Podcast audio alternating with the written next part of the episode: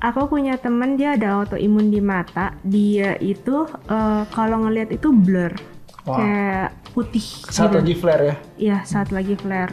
Nah biasanya kalau kayak gitu eh, matanya suntik sih. Matanya suntik. Ya kan, terus pas ditanya, dok, eh, sus kok tahu sih harus dikasihnya ini?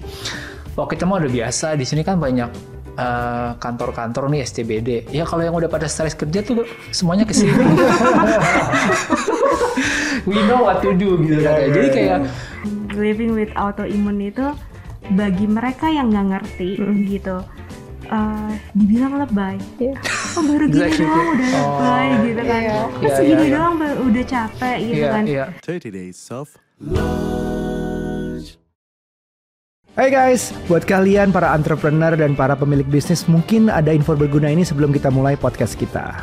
Yes, sekali lagi para entrepreneur dan pemilik brand lokal, entah itu brand fashion, beauty, elektronik, F&B, atau home and living, siapa pun yang lagi cari funding dan partner buat growing bisnis kalian, Kita punya kabar baik buat kalian semua. Perhatiin ya, lo bisa jodohin brand lo ke Open Labs, sebuah brand agregator terbesar di Asia Tenggara dan mereka punya dana 1,4 triliun yang siap diinvest ke brand lo. Dan selain funding, Open Labs juga punya tim expert yang siap mensupport bisnis secara penuh, mulai dari digital marketing, logistik, finance, hingga bisnis strategi. Seksi banget kan? Kunjungi Open Labs ID dan daftarin brand lo sekarang.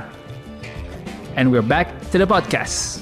Hai teman-teman, welcome back to 30 Days of Lunch. Episode kali ini kalau kalian menyaksikan dari YouTube, ada sesuatu yang spesial. There is a reason kenapa kita semua hari ini maskeran, ya. Em, karena kita pengen ngebahas sebuah topik yang sensitif dalam artian buat kesehatan. Kita Ya. pengen ngejaga semuanya supaya dalam kondisi yang baik. Kita punya seorang teman yang uh, akan berbagi tentang kisah autoimunnya. Betul. Gitu. Dan menurut kita ini sebuah topik yang penting banget. Nggak cuman buat kalau teman-teman di sini ada yang sering ngerasa, kok badan gue gini ya, kok badan gue gini ya. Mungkin kita suka luput gitu ya. Betul. Kayak ah nggak apa-apa lah, ini paling begini gitu. Paling cuman ya satu dua hari biasa gitu.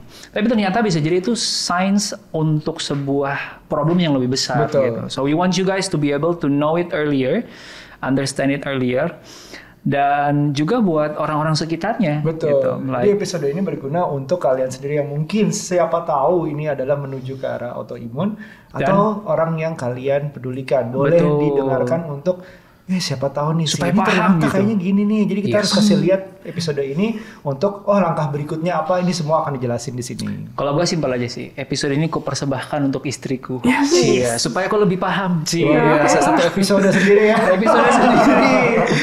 Uh, welcome Evelyn, welcome Christine. Iya, Thank you. Ih, kompak banget ya. Eh, Evelyn, boleh nggak lah diceritain ke teman-teman em, apa ya? Berangkat dulu deh dari autoimun yang kamu punya. Em, how did you discover it? Dan em, sekarang tuh kondisinya gimana gitu? Em, awalnya ya, awalnya itu eh aku sakit perut terus sih, sakit Oke. perut. Nah, em, cuma aku abaikan terus, aku Hmm. abaikan, abaikan kayak gitu. Kayak anggapnya ya udah kayak salah makan aja nih gitu. Hmm, terus oke. atau kalau eh, mungkin abis makan salah kayak gitu Ah, iya Ya. benar-benar. em, makan kotor kayak gitu kan. Iya. Nah, terus eh, lama-lama didiemin, akhirnya sampai eh, perutnya tuh sakit banget nggak bisa bangun dari tempat tidur. Hmm. Kayak mau bangun tuh susah banget abis Hmm, gitu. hmm. Pop darah, mulai pop darah, diare sampai berkali-kali sehari, terus pop darah. Hmm. Itu berapa lama kira-kira dari pertama sakit terus sembuh terus sakit sembuh sampai akhirnya yang berdarah itu? Bulanan sih, Bulanan Bulanan. ya. Oke. bulanan aku diemin. Wow. Gitu. Lalu Terus- dari waktu itu udah biasanya orang nggak langsung hunch. Hmm, pasti autoimun oh enggak ya? Enggak. Ngecek dulu ya bertahap Iya. ya. What Aku happened at that time? kepikiran. Hmm, waktu itu gimana jadinya? Aku nggak kepikiran apa-apa sih. Oh, cuma mungkin ya karena dari makan kotor aja nih gitu kan. iya, iya. Jadi em, perutnya sakit dan pop darah gitu. Akhirnya ya udah pergilah ke dokter gitu. Nah, saat pergi ke dokter karena kan berhubungan dengan usus ya aku di kolonoskopi Oke. endoskopi gitu kolonoskopi dan endoskopi dari situ hasilnya eh usus aku radang seluruh usus aku radang Merah berdarah sampai ya. Heeh. eh merah berdarah terus udah muncul kayak eh, ulkus-ulkus gitu Walkus tuh kayak bisul gitu. Em, bukan Oh, kayak nggak, luka. kayak- iya kayak luka Hmm. Kayak Oke. luka kornea. Dan mundur sedikit karena tadi dia bilang endoskopi. Itu berarti yang masuk dan ada kamera ke dalam ya. iya betul. Oke. Eh, lewat Soalnya takutnya teman-teman di sini kayak gue bukan lulusan kedokteran terus gimana? Ya, mungkin kerjaan editor untuk menjelaskan kali ya. Iya, ada subtitle-nya gitu. Terus terus terus. Iya, jadi eh, di lewat eh, mulut sama Ya. lewat bawah. Hmm. Nah, diperiksa ya seluruh ususnya radang. See. Ah, dari situ baru eh, dibiopsi, I Di see. biopsi itu diambil sampel ya. diambil sampel, diambil sampel, terus dari situ baru ketahuan kalau aku autoimun. Oh, di dari usus. pertama, dari pertama hasil itunya ya Iya, berarti ya. heeh. Oh, Dari berarti sekarang sudah ada semacam alat tes yang bisa kasih tahu oh ini keluarnya autoimun gitu ya. Hmm, lewat eh, biopsi itu sih, ya. I see. Oh jadi langsung ya. Jadi maksudnya eh, ini eh, karena ada beberapa juga yang merasa biopsi itu belum menemukan sumber masalahnya karena Hmm. mungkin ya dokternya belum spesialis ke autoimun Nah, atau belum ke situ. kayak gitu sih banyak banyak tes-tes sih sebenarnya yang waktu itu aku lakuin Ya. dari tes lab. Tes lab itu eh, banyak banget. Nah, selain tes lab itu em, Tes lab tuh darah ya berarti iya ya. darah. Tes pup juga. Tes pup juga. Ah, gitu jadi ya. ada di kultur juga dari pupnya Kultur, karena iya. kan aku berhubungan dengan usus ya. Iya, jadi iya. eh, berhubungan dengan feses gitu. Jadi dari sampelnya itu di kultur Ya. Nah, kalau dari darah itu sebenarnya juga banyak eh sekarang udah ada panel-panel autoimun. Mm-mm. Jadi kayak semacam ana profil, ana IF kayak gitu. Nah, itu kayak em, indikator bisa jadi indikator awal sih. Ya, aku eh, mungkin bertanya karena mungkin generasi sebelum kita, misalnya orang tua kita itu autoimun itu belum common. Jadi di saat kita kecil ya nggak kepikiran untuk meriksa ke situ. Tapi mungkin 10 tahun terakhir kali ya, lima tahun terakhir ini udah udah banyak tes seperti itu. Zaman dulu obatnya kerokan aja pokoknya. Ya? Macam-macam lah. Dibilang masuk angin, enter the wind. gitu ya. iya. Tapi before we get too far gitu. Autoimunnya Evelyn tuh kayak gimana rasanya on a daily basis kalau dia lagi flare up ya itu bahasanya ya. Hmm, ya flare. Mm-mm. Aku sih terutama di perut ya. Mm. Di perut itu sakitnya itu benar-benar kayak di squeeze, Mm-mm. terus kayak kesayat-sayat in the same time. Oh, wow. Nah, ah, nah selain itu juga kan aku ada di sendi. I see. Selain di usus dan di sendi, ah, ya di sendi itu kalau di sendi hmm, jari-jari tangannya bengkak. Hmm. Jari-jari tangan, jari-jari kaki, lutut bengkak. Susah jalan, susah napak, susah bangun dari tempat tidur. Hmm. Nah, itu sendi-sendinya seperti itu. Oke, see. Nah, sebelum uh, mengingatkan lagi bahwa kita pernah bikin episode tentang autoimun ya teman-teman waktu itu sama Bobo Paula. Jelaskan adalah autoimun adalah uh, sistem kekebalan tubuh yang menyerang, diri sendiri kayak auto ke diri sendiri. Hmm. Jadi um, dan dan sepertinya baru dipelajari bahwa autoimun tuh ada banyak. Hmm. Ratusan. Ratusan bahkan katanya dan satu orang itu bisa mendapatkan lebih dari satu jenis Autoimun. itu sendiri. Dirimu yang dua hal ya, yang usus dan sendi. Hmm. Ada apa lagi di luar sana yang sepengetahuan? Eh, Evelyn kan lebih ke usus ya. Tapi Iya. memang semuanya overall autoimun pasti leaky gut. Itu udah pasti definitely. Oh, udah Nah, pasti cuman ya. kalau aku Leaky tuh, gut tuh eh, apa bagian sih? situ pencernaan. Eh, jadi dia punya ususnya tuh kayak bocor, Oh, kayak pipa. oh itu tuh kayak gitu. bocor-bocor gitu. Hmm. Oh gitu. Nah, eh, nah, kalau di aku case-nya adalah tiroid kan, karena hypertiroid akhirnya eh, dia lebih sering nyerang ke daerah sini. Ah, aku- Aku lebih gampang radang tenggorokan, lebih gampang kayak dikit-dikit batuk gitu. Makanya oh gitu. kejadian covid ini bikin stres banget sih ngebedainnya tuh kayak bingung kan Hmm. Hmm. cuman kalau misalnya juga ya. Mm, nah kalau misalnya aku sih case nya lebih menjaga makan kalau di aku ya lebih Hmm. jaga makan aku bisa kayak lebih eh, kondisi inflamasinya lebih bisa kejaga I see. I see. Jadi ada juga yang kelenjar, ada juga yang tadi apa namanya usus dan sendi. Iya. Em, apalagi ya di luar sana. Ada Jadi di orang mata. bisa, aku pengen cerita di sini Oh, kayak Ini ya katanya lupus itu Lupus sebenarnya ya? awalnya Lupus. adalah eh, bagian dari salah satu autoimun ya ternyata Iya. ya. Mm-mm, betul. Lupus ada juga di mata. Oh di Di mata. mata, di darah, di tulang. Wow. Hmm.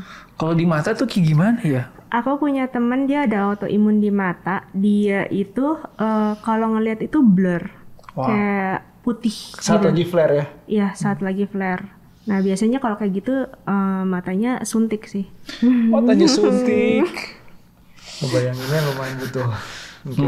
Jangan divisualkan, jangan divisualkan. Ya, ya, ya, ya. terus terus terus. Hmm. Terus ada juga yang di tulang, di kulit. Di tulang, di kulit. Kalau di kulit itu eh, ada juga temanku di kulit Ya. dia bersisik gitu.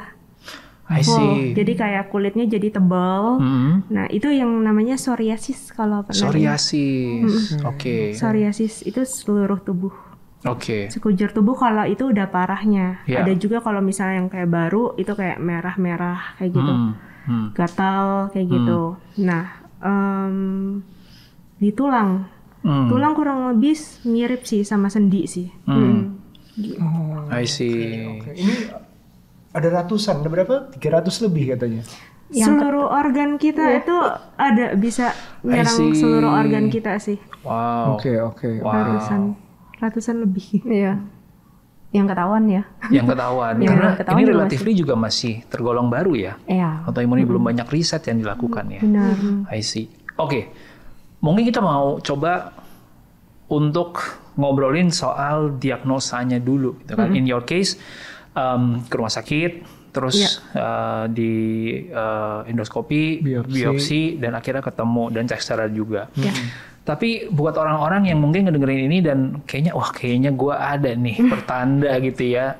To be on the safe side kita mau ngecek gitu. Um, kalau misalkan Evelyn dan uh, Christine bisa ngulang lagi nih buat teman-teman kayak things I wish I knew earlier about autoimmune. Kira-kira bakal gimana step by stepnya kalau menurut kalian? Kalau udah curiga sesuatu sih lebih baik sebaiknya tes. I see. Cuman kalau kondisinya aku waktu kemarin itu sebenarnya iseng gara-gara mau ngetes anak hair analysis di Singapura. Hmm. Iseng dong pikiran seru juga nih apaan gitu kan. Karena dia bisa melihat kita punya logam berat di badan, tetek banyak segala banyak deh. Hmm. Nah di situ hasilnya tuh adrenal aku bermasalah. Adrenal. Mm-mm, dokter sana udah bilang, oke dari hair analysis uh, adrenalnya bermasalah, cari dokter dia bilang gitu. Hmm. Sorry, adrenal itu adalah Um, seputar tiroid juga Oh, sih. oke, oke. Jadi dia itu kayaknya yang ngatur apa namanya untuk kayak stresnya kita, terus habis itu uh, fatigue-nya semua tuh dari situ semua kalau dari aku. Hmm. Nah terus habis itu setelah dari dokter dites baru ke ANA profilnya itu yang tadi tes darah. I see. Setelah dites ternyata udah masuk ke autoimun. Hmm, ini yang uh, Christine sempat cerita ketemu kalau di badannya itu ada apa namanya merkuri ya. Ya, waktu dari hair analysis itu merkuri aku tinggi, lead leadnya aku tinggi juga, terus habis itu sama arsenik. Wow. merkuri itu bu- bukan dari luar ya. Justru autoimunnya ini ya, imunitas sendi- sendiri yang menyebabkan itu ya. Berarti. Jadi kalau kata dokter, eh, logam berat ini akan mempengaruhi organ kita. Hmm. Nah kebetulan karena organnya aku ada yang lemah di tiroid, Mm-mm. Itu yang kena duluan. I see. Makanya adrenalnya bermasalah dan udah, udah kena hypertiroid. I see. Ke dokter mana sih sebenarnya kalau kita? Jadi Spesialis apa? spesialis ya. Kalau kita ngerasanya nggak enaknya di tenggorokan ya kita ke mungkin THT dulu gitu. Iya. Nah, kalau kita nggak enaknya tadi di pencernaan kita ke penyakit dalam gitu ya. I see. Tapi untuk autoimun sendiri ada dokternya nggak sih? Ada. Ada ya. Mm-mm. Mm-mm. Namanya apa tuh? Kita jarinya apa? ya? Iya, spesialis autoimun gitu apa? Eh, iya kalau misalnya dokter aku Ya. eh, itu autoimun and rheumatologist. Hmm. Ada juga di Indo ini eh, spesialis imunologi. Imunologi. Iya, Oke. imunologi. Oke. Gitu. Tapi kalau untuk case aku, Ya. eh, aku kan di usus nih. Hmm. Itu harus ke dokternya dokter gastro selain eh, dokter autoimun. Hmm. Dua dokter Jadi, berarti ah, ya. jadi nggak bisa untuk eh, dokter imunologi atau autoimun aja gitu. Jadi harus dokter gastro juga karena kan yang melakukan tindakan kolonoskopi dan endoskopi itu Dokter hanya gastro. dokter gastro. See. gitu. Jadi kalau misalnya gini, misalnya ada pendengar atau penonton kita ini yang em, punya simptom yang berulang gitu misalnya. Dia nggak bisa menentukan apa sih sebenarnya penyakit ini apakah sakit perutnya aku karena GERD atau apa gitu tuh tapi terus berulang terus. Mungkin baiknya di saat itu berulang dan tanpa ada solusi yang Tepat. jelas tepat baru ya periksa autoimun itu di tes autoimun itu ya. Jadi mintanya gimana nih? Tes autoimun itu Enggak, ada ya? jadi kalau misalnya di usus nih, kayak misalnya kan kayak GERD, ini kan banyak nih Iya. eh, masyarakat yang eh, kena GERD gitu kan, Betul. punya GERD Hmm, gitu. betul. Nah kalau eh, bedain sakit perutnya itu gampang sih sebenarnya. gitu. Eh, Oke. Kan kita punya lambung, punya usus gitu. Kalau lambung itu lebih ke arah di atas. oke Hmm. Nah usus di di bawah. bawah iya. Kalau GERD itu biasanya di atas, di seputaran lambung. Hmm. Nah bukan di usus gitu. oke Nah, hmm, kalau kayak aku sendiri juga, kan aku di usus nih, sakit perutnya jadi kayak sekitaran pusar. Ya. Nah, sekitaran pusar itu untuk cek awalnya nggak langsung kayak kucuk-kucuk tahu-tahu cek autoimun gitu, nggak juga gitu. Jadi kayak eh, cek dulu, eh, ya pasti ke dokter, ke dokter gastro. Aku kalau aku langsung ke dokter gastro. Hmm. Nah, penyakit dalam spesialis, subspesialis gastro. Hmm. Nah, di situ dicek eh dia darah lengkap lah, terus cek dulu tipes. Oke. Tipes nggak gitu kan? Ini eh, ada bakteri tipesnya nggak Iya, iya. gitu. Nah, dari eh, usus ini kan dicek fesesnya. Dari kultur ada bakteri lainnya nggak? Ada jamur nggak gitu. Nah, kalau itu semua nggak ada, nggak ada bakteri, jamur dan sebagainya, Hmm. baru eh, tindakan berikutnya. Hmm. Tindakan berikutnya biasanya kalau sakit perut berulang, otomatis dokter gastro pasti akan melakukan kolonoskopi dan endoskopi. Oh, ini melihat dulu apakah ada penyebab dari luar yang bisa di Ya, ya. trace Iya, baru iya. dari dalamnya ya, ada jadi satu ya. persatu. Kalau kayak di sendi, cek dulu Hmm. asam uratnya tinggi nggak. Oke. Gitu. Iya. Kalau misalnya asam uratnya nggak tinggi, baru cek eh, rheumatoid faktornya gimana, kayak gitu. Nanti eh, setelah dari cek-cek itu, kalau misalnya yang udah kayak satu persatu tereliminasi, baru curiga Hmm, ke berarti autoimun. prosesnya nggak nggak bisa kayak Nggak sebentar. yang kayak iseng misalnya tes autoimun gitu Dan, dan gak disarankan sih. Nggak disarankan, Iya, ya? karena bisa jadi penyakitnya bukan autoimun bisa jadi tadi bakteri itu atau tipes itu. Kalau itu ketemu ya berarti ya udah problem solved nih bukan autoimun Iya. gitu. jadi mungkin episode ini uh, kita ngobrol biar oh ada loh autoimun ada kemungkinan autoimun kemungkinan. setidaknya kalau misalnya selama ini tidak menemukan jawabannya apa yes. bisa dites itu Benar, gitu. benar, itu kali ya mungkin bisa Dan diambil kadang-kadang kita juga yang mesti inisiatif nggak sih? Iya. Iya. Karena bisa jadi ketika kita let's say ke rumah sakit, ke dokter, terus dokter bilang nggak ada, badan kamu nggak kenapa-napa, kita nggak nemuin tes apa-apa, terus ya udah selesai kamu boleh pulang. Terus kita ngerasa aman gitu, Iya. nggak ada curiosity untuk oh ternyata ada yang namanya autoimun nih, harus gue inisiatif sendiri gitu ya. Cari second opinion, third opinion ke Second dokter. opinion, third opinion ya. Oke, kamu sendiri quote unquote sudah hunting berapa dokter nih kalau boleh tahu nih sampai akhirnya ketemu 10. solusi yang bisa bantu kamu lebih gitu. dari 10 ya Iya. Wow. Udah keliling, keliling Wow. Jakarta. Oh tapi Keliling dari Jakarta. awal sudah dibilang autoimun di dokter pertama atau ada di dokter keberapa tuh? Jadi eh, dokterku yang pertama ini tahu nih, aku nih kan em, kepikiran kayak gitu, bisa kepikiran gitu. Jadi dia nggak ngomong kalau aku tuh autoimun. Oh. Cuma dia bilang ini Crohn's, dia bilang kayak gitu. Tapi Crohn's autoimun ya? Iya, terus akunya dengan polosnya ya udah aku percaya aja gitu kan. If you can confuse them, can cannot convince them, confuse them. aku nggak search gitu kan Crohn's ini apa sih gitu kan ya udah minum obat kok nggak membaik membaik gitu Iya. kan baru deh eh, mulai hunting ke dokter lain cari second opinion third opinion dan sebagainya kayak gitu Hmm. dari keliling dokter sih ya baru ketahuan kalau aku memang confirm autoimun Oh. I see. jadi aku eh awal itu tes itu berulang-ulang Iya iya iya. iya. So cuma Oh, buat tadi- make sure minum obat per- per- ada momennya minum obat nggak membaik membaik. Iya. Jadi autoimun adalah bukan sesuatu yang disembuhkan, benar nggak? Atau dihidup dengan itu aja, dengan tahu Hmm, dengan gimana cara hidup dengan autoimun. Apakah bisa disembuhkan? Pertanyaannya. Enggak. Enggak ya? Nggak Jadi bisa. hidup Wow. dengan autoimun enggak, Iya. cuma bisa dibikin dorman doang sih. bisa dibikin dorman, Dibikin artinya tidur aktif gitu ya. Sebutnya remisi. Remisi. Kita bahasanya remisi kalau di autoimun. Mm-mm. Jadi itu eh, bisa remisi. Remisi tergantung dari banyak faktor sih. Bisa short, bisa long, bisa kayak nggak tahu sampai kapan ya remisi terus gitu. Hmm, hmm. Right. Ya dalam tanda kutip sembuh ya Iya, mungkin. iya. Ya, selama dia dorman ya anggapannya sembuh mungkin ya. Hmm. Jadi apa yang hidup dengan autoimun itu seperti apa? Apakah ada obat yang dikonsumsi? Apakah ada pantangan? Apakah ada nggak boleh ini nggak boleh itu? Iya. Iya. Ada begitu. apa aja itu? oh banyak ya. Kita punya Banyak berapa ya. jam ya?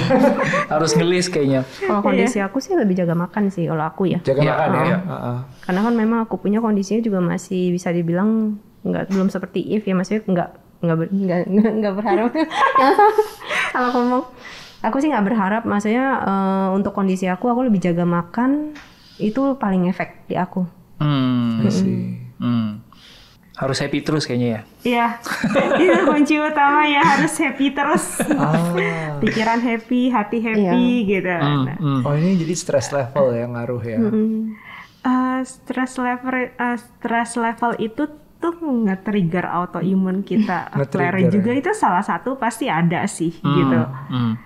Terus eh, faktor kecapean, Faktor kecapean. iya, eh, Hmm. ke- terlalu banyak kesibukan gitu, terus capek, drop kan. Iya. Nah itu bisa kambuh juga. Karena capek juga stres sih biasanya ya. Iya, stres gitu. Stres pekerjaan sih ya rata-rata umum lah ya. Hmm, hmm. nah, kalau hidup dengan autoimun, obat-obatan lah ya. Soal itu udah obatan, pasti. Aku obat Jadi dari bangun tidur, like a day in your life tuh kalau hidup dengan autoimun tuh gimana tuh? Bangun tidur langsung obat gitu ya? enggak bangun tidur. Bangun tidur sih ya seperti biasa lah ya. Gue pengen di belakang gue langsung ada lagu bangun tidurku terus mandi. ya, kan? soal kenapa gue bilang obat? Karena my wife has an autoimmune yang tiroid juga, yang dia harus minum itu sebelum dia makan pagi. Like 30 menit sebelum makan, karena kalau diminum sesudah makan tuh obatnya nggak ngefek gitu. Dan eh, itu gunanya supaya ngejaga supaya eh, tiroid dia stabil dan bisa eh, metabolismenya bagus mencerna makanan. Kalau nggak dia makan lewat aja tuh vitamin segala macam mineral di makanan tuh nggak keserap gitu. Tapi in your case enggak ya. Jadi emang beda-beda setiap autoimun ya. Aku tiap eh, enggak bangun tidur enggak. Hmm. Jadi kalau aku setiap abis makan itu pasti dalam sehari itu ada minum obat untuk usus I see. sama probiotik. Hmm. Oh. Ya, Probiotik. karena ya, ya, usus ya. kan. Nah, jadi obat usus sama probiotik I see. itu Setiap setiap, hari hari. ya. Mm. Karena eh, aku juga udah suntik kan, jadinya obat itu udah banyak dikurangin. Gitu. Suntik ini suntik apa ya? Suntik imunosupresan. Oke, boleh Iya. ceritain dikit imunosupresan itu? Imunosupresan itu, em, aku bingung mau ceritanya dari mana ya. Nggak apa-apa. Mau mulai dari mana pun kita Coba siap. Kita tebak dari kata-katanya ya. Imuno, imun kekebalan tuh. Nah, supresan berarti ngepres. Menahan. Nahan. Kira-kira seperti itu. Nahan Iya. imunnya nggak berkembang atau besar gitu. Hmm. Iya, jadi gini, kan autoimun aku nih eh, udah moderate lah ya, gitu. Jadi kayak udah dicoba pakai obat minum, itu nggak mempan. Hmm. Nah, obat minum nggak mempan, mm, naik sampai steroid, tetap aja kayak flare gitu. Dan akhirnya eh, pakai imunosupresan ini. Nah, imunosupresan ini untuk neken si imun, eh, antibody dalam Iya. tubuh, iya. ya, supaya antibody kita nggak ngelawan ke diri kita sendiri, gitu. Jadi ditekan supaya autoimunnya terkontrol, gitu. Hmm. Nah, kalau dengan obat imunosupresan itu otomatis eh, ya obat-obatan udah mulai dikurang-kurangin Hmm. I see. gitu. In one way itu cara untuk um, imun kita supaya nggak menyerang diri kita sendiri. Hmm. Tapi di sisi lain juga berarti daya tahan tubuh menurun ya. Jadi mesti jaga-jaga banget tuh di masa-masa itu ya habis iya, suntik. nah itu sih susahnya di situ dengan autoimun terkontrol tapi lebih rentan terhadap penyakit lain. I see. Gitu. Wow. Oke. Berarti kamu banyak pro- protokol kesehatannya lebih dari orang COVID ya kayaknya ya. Iya. Wow. Iya sih. Jadi Karena waktu awal aku suntik, aku kan nggak tahu nih Ya. kalau segitu, oh ternyata segitu rendahnya ya, ditekannya segitu rendahnya gitu. Terus eh, itu juga nggak terbiasa pakai masker kan, gitu. Ya. Jadi ya udah em, pergi-pergi nggak pakai masker, ternyata aku kena TB. TB selaput paru, terus Oh. ada cairan di dalam paru, itu sekitar dua setengah liter lah, Hmm. gitu. Jadi itu mm, Ini sebelum COVID ya? Sebelum pandemi Pas COVID. maksudnya? Oh. Pas COVID? Nah, Oke. oh, COVID. Wow. Oke. Jadi emang segitu harus aware-nya ya kalau habis disuntik ya. Mm-mm. I Hmm, see. biasanya kalau aku habis disuntik dipingit sih. Dipingit. Dipingit, ya, ya, kayak mau nikah dipingit ya. Iya iya iya iya. Ya, ya. Terus ada, um, Ristin ada pantangan, pantangan makan ya? Iya, kalau aku Uh, lebih pantangan makan seperti apa aja nih? Kalau yang kita emang susah nih ngebahasnya karena autoimun tuh ada 300 gitu. Jadi Hmm. kayak kayak kita menceritakan satu mas jenis autoimun yang lain ya, orang bisa mengidap yang lain gitu. Akan mungkin Ya. pantangannya atau challenge-nya juga berbeda. beda. Hmm. Ada nggak sih in general yang kayak ya tadi mungkin satu stres mengukur apa mena- em, bikin terlalu selalu Hmm. happy uh, nggak kecapean itu mungkin berlaku di seluruh autoimun ya. Iya, iya. Kalau makanan beda-beda ya. Beda-beda. Autoimun autoimun A sama B beda ya. Mm, tapi yang aku tahu dari apa yang aku pelajarin memang gula dan gluten yang memang harus disu- Terutama dua dihindari. itu sih. Gula dan Gula dan gluten. Sisanya ngelihat kondisi masing-masing lagi nih. Mesti harus ko- Iya. eh, apa komunikasi sama dokternya.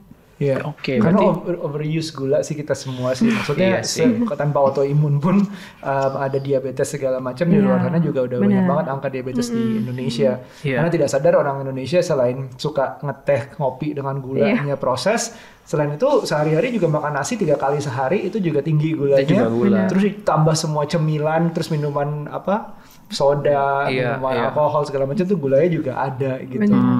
Makanya banyak ya. ya. Ini semua berarti big no ya. Big no. Big no. Berarti dulu kalau kita episode sama siapa ya? Pupu. Bukan yang sama Oh. eh, Pak CEO Nutrifood. Oh, Pak Mardi. Pak Mardi kan dia bilang yang kita harus perhatikan GGL, gula, Ah, gula, garam, garam, lemak. Ini satu lagi ya gluten. Iya. Gluten. Ini memang dunia. Nah, gluten itu hal baru menurutku sih. Hal Maksudnya baru. kayak mungkin lima tahun terakhir kali makin baru Iya. kayak populer Iya. gluten free segala macam. Tapi sebenarnya exactly gluten tuh apa sih? Tepung. Tepung aja, semua tepung. Dari berbahasa Eh, nggak semua tepung. Nggak Oke. semua tepung. tepung. Iya. Jadi ada Tepung tepung yang mengandung gluten, ada tepung- yang enggak. Iya, Iya. tepung terigu itu ya gluten. Tapi kalau tepung apa beras itu nggak masuk nggak gluten. Itu Oh, tepung gitu. terigu, tepung roti ya, Ya, kalau tepung terigu, tepung kayak wheat ya. wheat. Iya, wait. Ah, Itu tuh yang memang Itu terutama sih. usus itu bikin flare. Oke. Oh, Oke, mungkin karena Christine dan Evelyn juga udah banyak pasti ya. I'm sure karena punya autoimun pasti banyak baca, banyak riset, banyak tanya, banyak ngobrol, ketemu dokter. Enlight us about gluten. Ini dong kayak gluten encyclopedia 101 gitu. Karena kita awam banget gitu. Tiba-tiba gluten free. Ini makanan ini gluten free. Emang gluten Iya. tuh apa sih? Gitu. Iya, iya, iya. Hmm, monggo siapa yang mau mulai duluan? Hmm. Kalau di aku katanya menurut para ahli dokter terus habis itu nutrisionis habis itu sama ini tepung itu tuh menyerupai kita punya organ tubuh. Jadi yang ada di sendi, yang ada di tiroid itu bentuk partikelnya itu mirip sama si tepung ini. Oh gitu. Terus terus. Nah, pada saat kita makan tepung, itu bikin bingung. Si imunnya ini tuh bingung. Akhirnya dia akan nyerang organ kita pun dianggap musuh. Nah, itu yang dibilangnya kenapa kok dia berbalik nyerang badan sendiri. Hmm. Oh jadi seolah-olah yang biasa dia serang tambah banyak tiba-tiba masuk gitu. Ketidakmampuan imun kita membedakan mana mana kawan, mana lawan. Hmm. Karena saking miripnya Si gluten ini. Iya. Oh gitu. Bentuknya itu. I see. Memang gue dari dari diet sih disuruhnya tepung dan gula tuh lumayan duluan sih untuk mengurangi segala Nomor macam satu buat aku di badan. gula dulu sih. Emang gula itu yang paling gampang banyak ditemuin kan. Terus Ah. ternyata yang paling susah itu gluten karena ngumpet di mana-mana. Ngumpet di Hmm. mana. Oh, Bahkan tempat di gluten kecap, deh. di soy sauce aja ada gluten. Oh, Bener. wow. Soy sauce. ke- Kecap ya. kecap ma- apa kecap manis terus Asin. tomato sauce kayak gitu semuanya Itu dan, semua ada gluten. dan bahkan di sabun eh, cuci muka odol Iya, Everything's process tuh banyak banget pertanyaan. Ini mungkin ada glutennya ya. iya. Jadi kalau kita makan um, membedakan proses sama enggak, misalnya kita makan salad, ya saladnya sendiri, sayurannya sih pasti gluten free. Iya. Tapi di saat kita tambahin bumbu, lihat dulu bumbunya tuh ada apa gitu. Iya, betul. Right. jadi kita lagi lebih lebih aware dengan nutrition facts ya sekarang ini Nah, I benar see. tuh itu juga berguna tuh kalau kita belanja, jadi lihat isinya apa Iya, di nutrition fact-nya itu. Soalnya itu everything is process di situ Betul. kan. Iya, Right, iya, right, right, right. Susah ya makannya. Susah nih jadinya. Makanan Apalagi sekarang Indonesia semuanya gluten semua Iya. yang enak-enak bakmi siomay apalagi eh, gluten semua. itu enak-enak semua untuk mengurangi itu semua sebenarnya juga eh, setengah kayak kembali ke zaman dulu ya zaman perad- apa perburuan gitu ya di mana kita makan harusnya yang organik Iya. tapi jangan terlalu mentah juga dan organik kayak kita habis berburu nangkep doang gitu jadi kayak ada proses tertentu sehingga membersihkan kotorannya tapi tanpa proses yang menambahkan hal-hal lain seperti nggak perlu, gluten, iya. gula gitu ya. betul Berarti GGGL. GGGL. Mm, Garam, Garam, gula, gluten, lemak. Hmm, bingung abis ini kalau mau pesan makan ya. Tapi gini, kan sekarang kalau kita makan juga makin muncul kan kayak gluten free. Gitu. Dulu waktu gua pertama kali ngeliat itu berasanya kayak oh ada orang yang bereaksi mungkin alergi sama si glutennya sehingga dia nggak boleh makan. Tapi ternyata eh, reaksi alergi itu pun sering kali jadi salah satu ciri-ciri untuk kita menemukan autoimun ini ya. Is it the same antara alergi dengan autoimun? karena masalahnya memang rootsnya di gut ya di pencernaan Ya, mostly biasanya autoimun itu memang udah lemah di situ sih I jadi see. eh, itu pintu utama kali ya pintu masuk pertamanya jadi kita paham dulu maksudnya dengan adanya kondisi seperti itu Hmm, Jadi alergi sama autoimun beda ya? beda, beda. Tapi d- kayak Kasarnya- gejalanya sama ya? Apa misalnya? tapi samanya itu adalah dalam bentuk inflamasi ya saat alergi itu sebenarnya inflamasi badan dia Oke. See. Bayangin ya kalau misal pas lagi itu masukin terus makanan yang terpapar ya kan tapi kita nggak tahu ya kondisi tubuhnya sebenarnya gimana. Hmm, Kalau dia inflamasi yang terus menerus akhirnya bikin selnya jadinya kayak ngebrontak gitu. Oh, Oke, oke. Nah, kalau eh, alergi itu langsung kerasa yang kita sebut kenapa kebanyakan orang tahu alergi ya karena ada aki- akibatnya. Alergi kan spontan ya. Ah, ah, Iya. ah, spontan Iya, langsung kerasa di lebih- kulit, di le- apa. ah, ah. Lebih ke arah spontan gitu. Kalau autoimun ini yang aku tahu sendiri juga ada faktor genetiknya sih. Oh, genetik ya. Iya. Terus nanti dia eh, muncul itu saat ke-trigger sama sesuatu Hmm. gitu. Sama dong dengan alergi juga ya, ke-trigger dengan Iya, sesuatu. ah, reaksi alergi. Kalau alergi kan terjadi saat itu juga, saat itu juga Hmm, gitu kan. Nah, kalau autoimun kan butuh proses yang Oh, nggak langsung autoimun nggak tentu langsung terjadi ya. enggak, juga sih, nggak langsung terjadi sih. Oke. Jadi bisa dibilang yang men-trigger, sorry, root cause-nya autoimun ini adalah sesuatu yang kita juga belum tahu secara medis ya. Apakah sudah ada yang dari uh, Christine dan Evelyn ketemu dokter udah tahu, oh ini loh yang bikin kamu autoimun dan teman-teman lain yang ngedengerin bisa mengurangi kemungkinan mereka kena juga gitu. Kalau aku genetik, Genetik, oke. Kalau Berarti orang tua juga sebenarnya ada. mamaku, Oh, mamaku sih eh, dia suka nyeri-nyeri di sendi gitu. Cuma orang dulu kan nggak ngecek-ngecek autoimun gitu kan. Terus eh, tanteku juga, nenekku juga gitu. oke. Oh wow, oke. Ya, di keluarga kita itu lebih karena kalau dulu tuh ngomongnya rematik-rematik aja gitu kan. Oh sih. Itu akhirnya sekarang dicek dan benar autoimun. Eh, mamaku sih enggak, enggak cek ya. Tapi kalau lihat dari simptomnya mirip Hmm. gitu. Lihat dari simptom saat kambuhnya itu mirip gitu. Terus aku juga cek eh, nutrigenomik, Apa itu? nutrigenomik test. Jadi itu kayak cek eh waktu itu aku cek diambil dari liur. Jadi kayak untuk periksa kayak DNA-nya gitu. Oke, Nah, oke, oke. Dari DNA-nya itu di- dari situ kelihatan kayak kita itu memang kayak kurang eh, vitamin apa tubuh kita sendiri gitu. Contoh kayak aku dari dulu nggak pernah bisa minum vitamin C Hmm. gitu ternyata dalam tubuh aku tuh vitamin C aku tuh udah berlebih Oh. ya nah terus eh, contoh lagi eh, ya dari situ kelihatan aku gluten intolerannya gimana Hmm. laktos intolerannya Oh, iya, gimana iya. oh ternyata kenapa aku nggak bisa eh, makan dairy ya karena ternyata aku laktos intoleran Sangat kayak intoleran. gitu Oke. nah dari tes nutrigenomik itu kelihatan sih gitu kita Harus dicatat. defisiensi apa sih dalam tubuh kita gitu Uh, bisa dicegah nggak? Misalnya kita ngelihat orang tua kita yang ada gejala itu gitu. Uh, apakah kita misalnya kita uh, tes ternyata nggak ada, apakah nanti ada dalam suatu momen dalam hidup perubahan hormon? Misalnya kalau perempuan um, hamil melahirkan itu kan perubahan hormon. Ada yang kayak kalau istriku sendiri anak anak pertama anak kedua hormonnya berubah tuh. Di saat anak kedua mulai dia eksemanya keluar. Sebelumnya seumur umur tuh nggak pernah Hmm. jadi sesudah menyusui anak kedua mulai keluar itu. Ya mungkin sekarang jadinya alergi terhadap beberapa hal. Hmm. Um, kalau autoimun tuh dari kecil udah ada atau ada momen in life yang ke-trigger akhirnya. nggak selalu dari kecil sih gitu Walaupun ada juga genetik yang juga belum muncul tentu keluar gitu ya. ada juga yang muncul saat dewasa Hmm. ada juga yang masih kecil udah muncul gitu jadi tergantung ke triggernya dengan apa dan kondisi tubuh dia sendiri gimana Hmm. gitu kalau aku sih ngerasa kayaknya waktu itu aku lagi drop banget lagi drop terus kayak kecapean terlalu banyak aktivitas eh muncul Hmm. ke triggernya di situ Hmm. gitu Ya, ya, ya. Mm-mm. Alergi ini kan deket ya sama soal makan memakan dan tiap beda autoimun setauku juga punya kebutuhan yang beda-beda gitu antara Evelyn dan yang ini uh, Christine. Christine juga sama atau beda gitu Hmm, kalau secara keseluruhan sama ya Ci ya. yang hindarin gluten udah pasti dong ya Gluten, Iya. gula, gula, Ah, gitu. terus terus Tapi kalau eh, di usus lebih spesifik sih.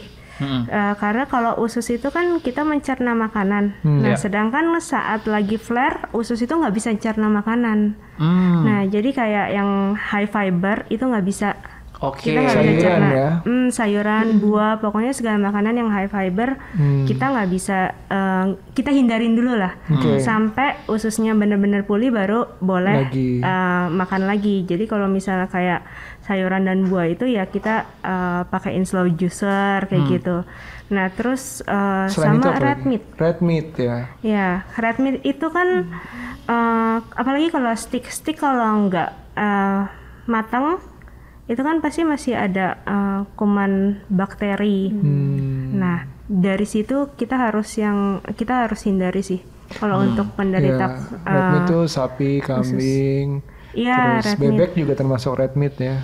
Enggak ya? eh enggak, apa? Dia Set- white. Setahu aku White ya? dari nutrisiku ya bilangnya red meat. Tapi termasuk Termasuk, red meat ya termasuk. oke Jadi aku juga menghindari nih soalnya. nanti kita bikin Bebek- edisi khusus bebek debat termasuk red sih. Termasuk red kan? termasuk ya? red ya Ah, ah. oke oke Banyak bebek enak soalnya. kalau di Australia itu daging kanguru gitu Iya, Eh, bebek itu juga. serius.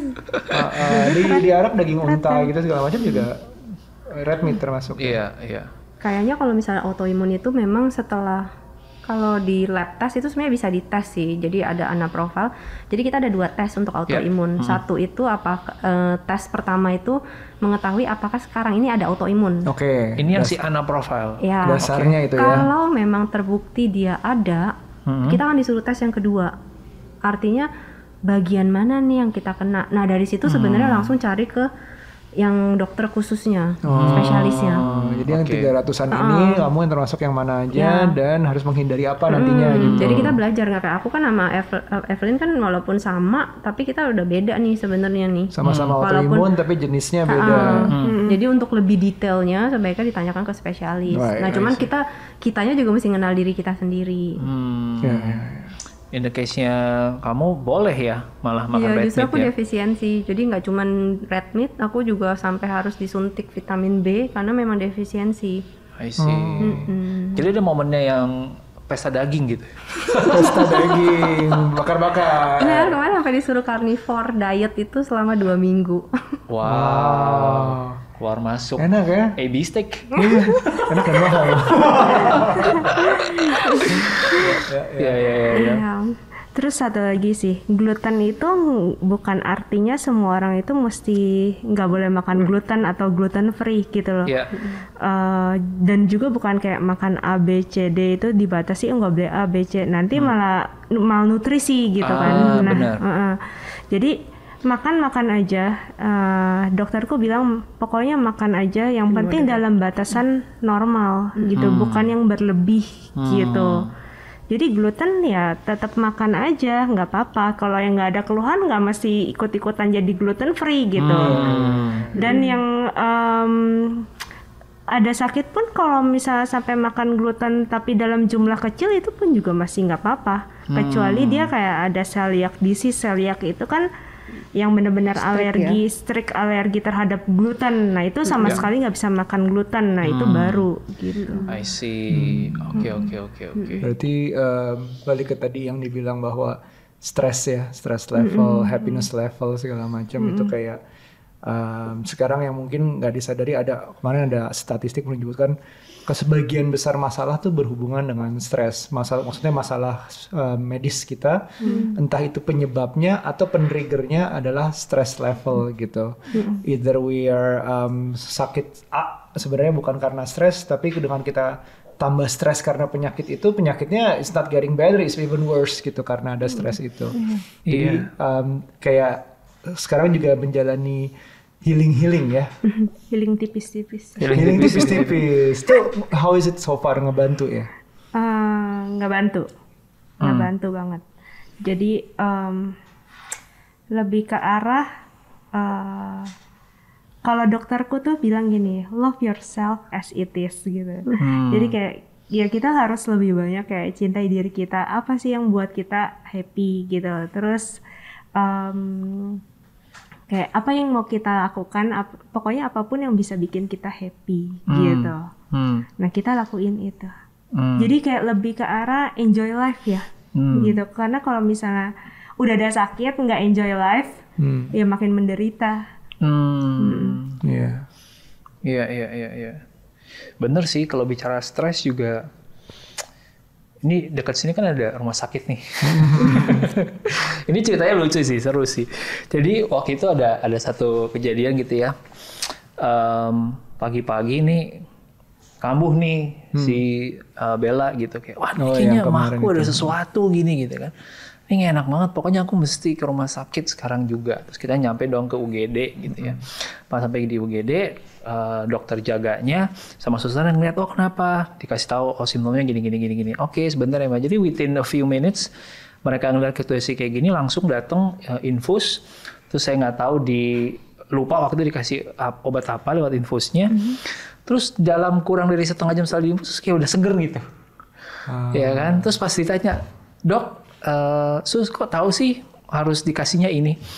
Wah kita mah udah biasa, di sini kan banyak eh, kantor-kantor nih SCBD. Ya kalau yang udah pada stres kerja tuh semuanya ke sini. We know what to do gitu Iya, katanya. Jadi iya. kayak emang stres itu ya kita nggak ngerasa itu bisa connect ke badan gitu. Iya. Kita kita kira stres itu sesuatu yang di kepala, sesuatu yang di hati, tapi ternyata bisa masuk ke fisik gitu. benar Dan di situ gue baru sadar, oh ternyata. Terus kemarin gue baru ketemu satu teman gitu. Jadi dia cerita momen dia sebelum pindah kerja dan sesudah pindah kerja. Jadi di kerjaan yang lalu, dia mengisi satu buah role yang tugasnya tuh supporting sales. Salesnya ada sembilan, dia satu. Yang harusnya satu supporting kayak dia itu paling maksimal empat orang Oke. sales yang dia dua support kali lipat lebih ya. Dua kali lipat lebih gitu. Dan karena dia ada konflik sama atasannya nggak nggak match lah ini berdua. Bosnya selalu menahan-nahan untuk nambah orang baru. Jadi sengaja kasih pressure ke orang ini gitu kan. Nah ternyata di saat itulah dia sampai yang GERD kambuh dia nggak pernah punya histori itu padahal. Gitu habis itu nggak lama kemudian within less than one year dia pindah ke kerjaan baru. Rob gue udah enam tahun di kerjaan baru gue ini gue nggak pernah kambuh GERD karena kerjaan gue sangat enjoy sekali gitu. Oh iya iya. Benar penting banget itu. GERD itu sebenarnya eh munculnya dari sini memang. Kalau GERD ya, oke. Ya. Jadi ini kenapa kenapa juga edisi um, banyak podcast kemarin di season 3 aku coba ngomong tentang uh, mindfulness, family constellation, Hmm. uh, relationship with money, Human design. human design, banyak hal-hal yang kayak sepertinya uh, nggak salah medis betul ada, tapi harus ada di, di- dihubungkan dengan mental being kita yang banyak berpik- berolah dari otak, dari hati segala macam, gimana state of mind kita. Jadi kayak banyak penyakit yang tambah parah dengan adanya karena mental, penyakit yang nggak ada justru jadi ada, penyakit yang udah ada tambah parah, Tambah parah, iya. yang udah parah nggak sembuh sembuh gitu, Iya. karena itu semua tambah sakit, tambah dipikirin, Hmm. tambah sakit lagi ya, tambah stres lagi gitu. Kayak it's multiplying kalau kita terus Iya. pikirin sakitnya itu, terus pikir itu, kadang hidup cuman berjuang untuk melawan penyakit tanpa menikmati hidup sendiri Iya. itu, padahal tanpa disadari menikmati hidup adalah bagian dari penyembuhan gitu. Penyembuhan, benar. Itu benar banget sih. Iya. Eh, menikmati hidup itu bagian dari penyembuhan. Nah, Hmm. jadi waktu aku em, tahun lalu itu benar-benar kayak masa-masa eh, depresi gitu. Hmm. Depresi, depresinya sebenarnya lebih ke arah kok ini aku ngerasain sakit nggak udah-udah ya gitu. Hmm. Ngerasain sakit nggak udah-udah, abis gitu eh ya udah jadi aku enjoy enjoy life-nya itu ya aku em, kan aku dari Lampung ya. Jadi aku kayak eh, sewa waktu itu belum ada rumah di sini terus aku sewa apartemen. Jadi em, aku enjoy enjoy bener hidup aku. Makan nonton berenang Iya, terus eh, yoga pilates nah segala macam habis gitu em, ya aku kayak ya mindfulness itu sih mindfulness itu sendiri yang aku pelajari benar-benar gitu dari meditasi meditasi mindfulness gitu jadi segalanya tuh lebih tenang lebih enjoy Iya. jadi kayak lebih bisa menjalani hidup sih Hmm. Betul. lebih bisa bikin sakit itu nggak nggak berat-berat amat gitu walaupun Hmm. sakit itu tetap ada tapi nggak dibikin dramatisir gitu I see. ya Wow. As simple as kalau misalnya gue mulai um, nggak enak badan gitu, Hmm. tipis-tipis aja nggak enak badan kalau itu bilangnya bukan panas tapi sumeng gitu kayak Hmm. under the weather sedikit. Kadang-kadang gue jalan gitu keluar jalan keringetan dikit, Iya. jangan ekstrim tentunya, tapi Iya, iya. getting the sweat out cause that's what I love to do keluar atau Hmm. ketemu orang kalau selama nggak ada penyakit beneran gitu Iya. kayak eh, ternyata bikin seger gitu karena Iya. mungkin extrovert energinya dari orang lain gitu terus ya udah ketemu orang gitu segala macem Eh, karena bagian menikmatinya itu menikmatinya Hmm. itu jadi penyakit yang baru mau keluar mungkin itu suppress down lagi jadi kayak I see. Iya Pasti betul. sih. Dokterku bilang back to nature. ya Hmm. hmm. Itu Tadi true healing. tentang olahraga eh, tadi yoga Mm-hmm. berenang eh, padahal tadi nggak boleh stres juga nggak boleh capek Mm-hmm. ya ya mungkin ada Hmm. sebenarnya sampai segimana masih bisa olahraganya Ya. karena ada Mm. bilang autoimun Ada yang bilang olahraga. iya benar olahraga malah bikin capek gitu, malah badannya nggak ini. Tergantung kalau eh, capeknya itu capek yang gimana gitu dan semana capek itu kan sebenarnya badan kita bisa tahu sendiri kan. Ya. Oh kita udah mulai capek nih, stop begitu. Hmm. Nah kalau olahraga itu sebenarnya kan aktivitas fisik yang eh, menyehatkan tubuh kita gitu. Jadi ya boleh berolahraga. Hmm. Nah tapi balik lagi tergantung dari kita tuh autoimunnya di apa Iya, betul. gitu. Kalau aku kan hyperthyroid, karena hyperthyroid itu udah berarti udah fatigue-nya parah. Aku tuh dulu lima tahun tuh nge-gym, nge-gym tapi setiap jam 3 jam 4 tuh langsung tuh ngedrop banget tuh stamina. oke Hmm. Terus mulai kayak bingung kan, kok olahraga bukannya makin stamina bagus makin ngedrop. Cuma saat itu clueless banget lah. Kita Iya. berpikir olahraga itu sehat. ya Hmm. Nah tapi ternyata pas dokter ketemu dokternya yang cocok, dia bilang no gym Christian dia bilang gitu. Bahkan treadmill pun nggak boleh yang lari, Hmm. jalan, Jalan. dia harus bilang. jalan. Aku pun Mm, juga jadi gitu. sebenarnya memang olahraga yang terlalu diporsir akan jadi inflamasi juga sebenarnya ke badan. iya benar. Ah, panas Jadi ya. kalau untuk yang autoimun ini kita lebih banyak disaraninnya pilates, yoga, yang low lah low dia punya impact, ininya low impact. intensity ya ya ya ya ya Tapi tetap menyehatkan. Betul. I see. Iya. Karena keringat itu nggak harus selalu nge-gym, nggak harus selalu yang Hmm. yang itu kan, yang berat-berat gitu. Ternyata kayak kemarin aku pilates bisa keringetan juga sebenarnya. karena after olahraga juga ada yang namanya endorfin ya Iya. Eh, apa hormon senang lah Iya, Iya, iya, betul. iya, iya. Jadi Bikin ada happy. perasaan seneng happy di saat habis olahraga dan itu yang perlu dikejar tapi tanpa kecapean. capean. Iya. Nonton Kayak film kan- horor keringetan olahraga. Iya, iya. keringetan, Gebetan, gebetan juga itu juga. oh iya benar, kita juga keringetan. Jadi kayak aku di sendi kan juga cuma bolehnya yoga, renang sama pilates. Iya. Hmm. Iya, low Iya, impact, iya, low iya. intensity Hmm, kayak semua. workout gitu nggak boleh. I see. Ya. Ini menarik sih karena mungkin kita move ke satu topik yang menurutku akhirnya banyak orang perlu juga belajar berempati ya. Karena kan Evelyn juga mau nggak mau nanti sekarang juga tinggal sama orang tua. Yang orang tua harus memahami kondisi kamu. Iya. Kamu bekerja, Christine juga sama orang kantor, sama rekan kerja yang mungkin ini orang kenapa sih baru bentar udah capek gitu kan. Em, jadi mengharuskan kita juga sebagai orang sekitar untuk at least nggak Yes. nggak bikin kamu jadi makin beban, tapi juga buat kita kita Itu juga harus belajar gampang. memahami kan, ya kan? Sebenarnya nggak gampang sih. Iya, heeh.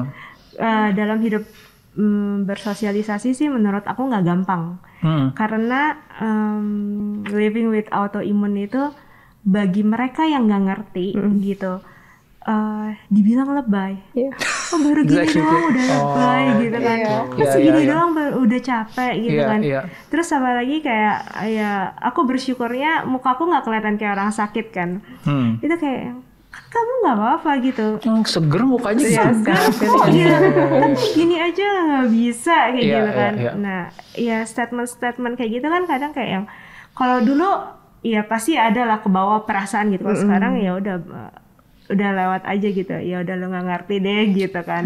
Iya, iya. Ya sebenarnya nggak gampang. Jadi kayak semuanya itu eh dibatasin gitu. Hmm. Cuman kalau kayak makan kita nggak bisa minuman bergula. Jadi kalau ke mana-mana pokoknya air putih. Terus dilihatin air putih lagi, air putih lagi. Hmm. Terus kalau makan pun juga kayaknya kita tuh milih kan. Jadi sometimes tuh waktu awal-awal tuh kayak ngerasa Jadi nggak gampang ya bersosialisasi Iya. karena kayak mau makan bareng gitu. Ayo gitu. Eh, aduh makan ini nggak bisa, makan itu nggak bisa gitu. Hmm. Terus eh, sementara mereka kalau yang nggak ngerti kan eh susah banget lah ngajak si Evelyn ini gitu. Ya, ya walaupun gak ada yang terang-terangan begitu ya gitu kan. Ya, Cuma akhirnya ya sadar diri aja gitu. Eh gue nggak bisa makan ini loh, nggak bisa makan ini gitu. Ya. em, eh lagian sekarang kan juga kita makin ke sini ya inner circle kan makin makin itulah ya. Jadi Mengecil. udah Hmm. mengecil udah makin ngerti sendiri aja teman-teman kita yang itu ya udah ngerti oh si Evelyn nggak bisa makan ini gitu kan. Kita cari yang Evelyn bisa makan yuk gitu. Tapi I, I know the feeling sih di saat um, ya lagi diet gitu ya, terus ke rumah saudara apalagi di lebaran atau apa, tiba-tiba oh sate kambing nih kan kurban gitu segala, wah ini ada um, ketupat segala macam gitu, aduh iya iya sih pengen tapi ya gitu, aku udah latihan sih akhirnya setiap tahun seperti Iya, itu. iya, Apalagi yang memang ada flare up-nya nanti Iya, itu betul, harus benar. orang yang juga mungkin yang di sini ya nonton mengerti kalau seandainya seseorang menolak sesuatu emang kita diajarkan untuk yaudah ditawarin masa nggak terima nggak terima sih gitu Iya, cuman harus iya. mengerti dari sisi satunya juga gitu Tapi masih ada juga yang nggak ngerti sih ada ya Iya. pasti ada sih yang nggak ngerti terutama ya mungkin kayak orang tua zaman dulu kali ya maksudnya Hmm. uh, uh, maksudnya yang udah lebih tua yang zaman Hmm. dulu kayak gitu ya udahlah nggak apa-apa lah kayak Hmm. gitu kalau nggak ngerti uh, Iya, sakitnya kita gimana kan, Iya, iya. gitu. Atau kalau enggak yang tadi nggak paham bedanya antara alergi dengan autoimun dia bilang, "Dulu mama juga gitu. Mama makanin terus sampai akhirnya badannya bisa Oh, terima iya, gitu." ya.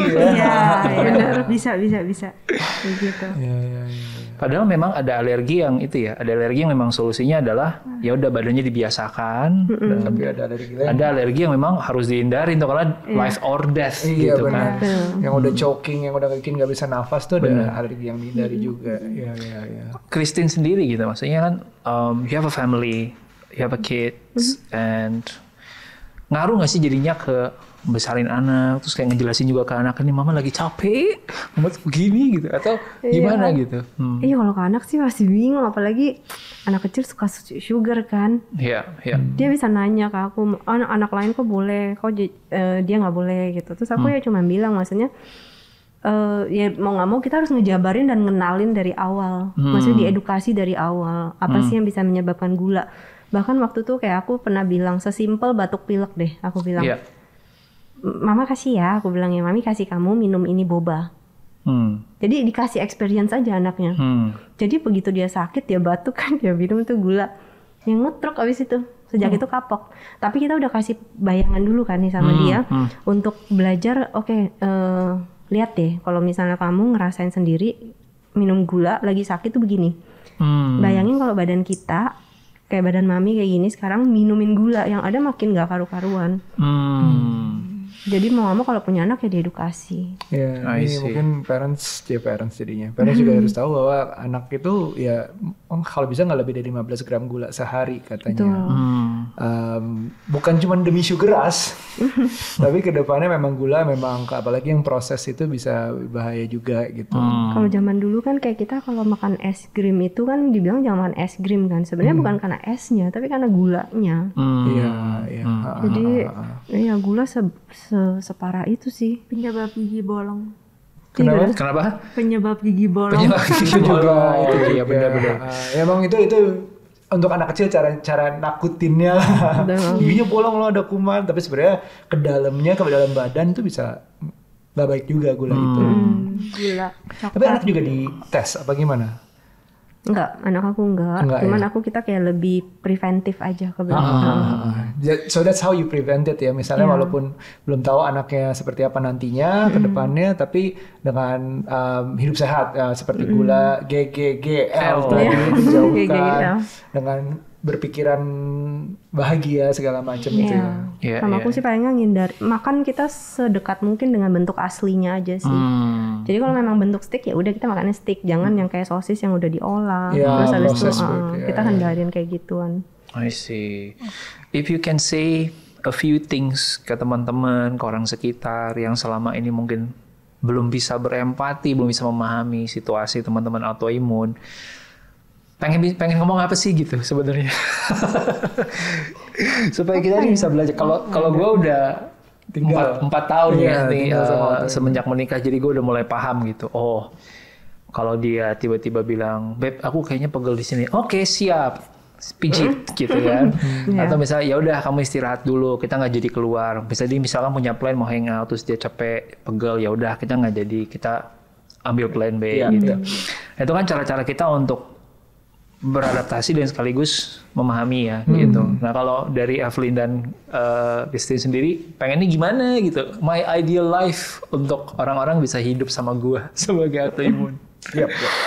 Eh, Ah, kalau di aku sih mungkin kalau ini kali ya apa namanya berteman gitu kadang dengan kita berusaha ngebuka kalau kita autoimun actually we try to communicate kita punya kondisi juga kan karena kalau kita paksa makan itu kayak afternya itu loh kita yang dan sakitnya kita autoimun ini tuh nggak kelihatan yang ke fisik yang maksudnya kayak tiba-tiba ngedrop atau gimana. Cuman kita ngerasain ngilu di sendi susah tidur. Itu is- efek yang sebenarnya kita tahu. Cuman kayak kita nggak enak kan kalau misalnya kita mau nolak. Dan hmm.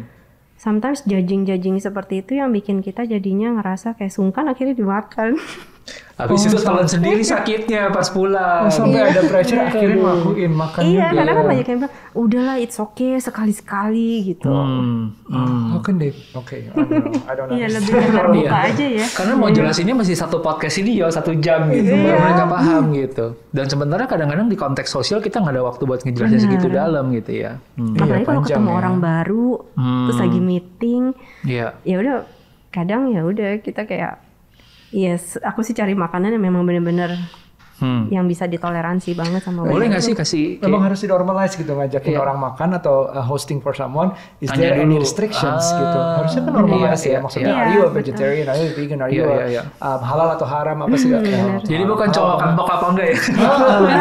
Bukan itu doang, tapi ya harus ditanyain gitu. Soalnya itu penting emang harusnya begitu emang udah part of courtesy harusnya. Iya iya iya. Dan em, gua tuh ada satu notes di handphone yang isinya adalah eh, istri tuh punya alergi eh, dan level alerginya kepada makanan apa saja gitu. Em, ada yang bentuknya highly reactive, berarti parah. Ada yang mild, ada yang low. Iya. Nah, sehingga kadang-kadang kalau kayak misalnya gini nih, kita mau nge-trip sebentar lagi eh, ke luar negeri. Pas di pesawat kita udah milih dulu tuh dietary options-nya kan, mau makan apa gitu, udah dipilihin supaya nggak ada yang ini gitu.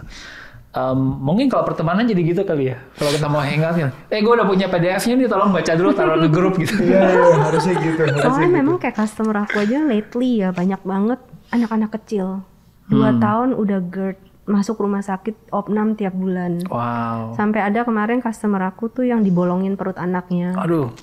Udah pasang selang. Hmm. Jadi kayak autoimun ini udah punya udah lumayan serius sih Hmm. ke sininya. Karena aku ngelihat patternnya udah mulai ke anak-anak, udah bukannya kayak ke umuran kita lagi nih. Kalau kemarin ya. ini kan umur-umur kayak kita nih yang muncul. Iya. Sekarang ini udah anak-anak. Itu karena mis pertama tadi genetik, kedua mungkin uh, gaya hidup yang udah mulai Iya. berubah dari tahun ke Pola tahun. makan. ya. Jadi pola makan. Dan ketahanan pangannya dunia ini ya, maksudnya uh, semakin banyak proses, semakin banyak uh, unorganic things gitu-gitu Iya. ya. dari genetik, dari pola hidup, terus sama apa namanya ya Pola makanan makan. makanannya. oh. Itu yang memang mesti kita mesti aware dengan kondisi ini sih.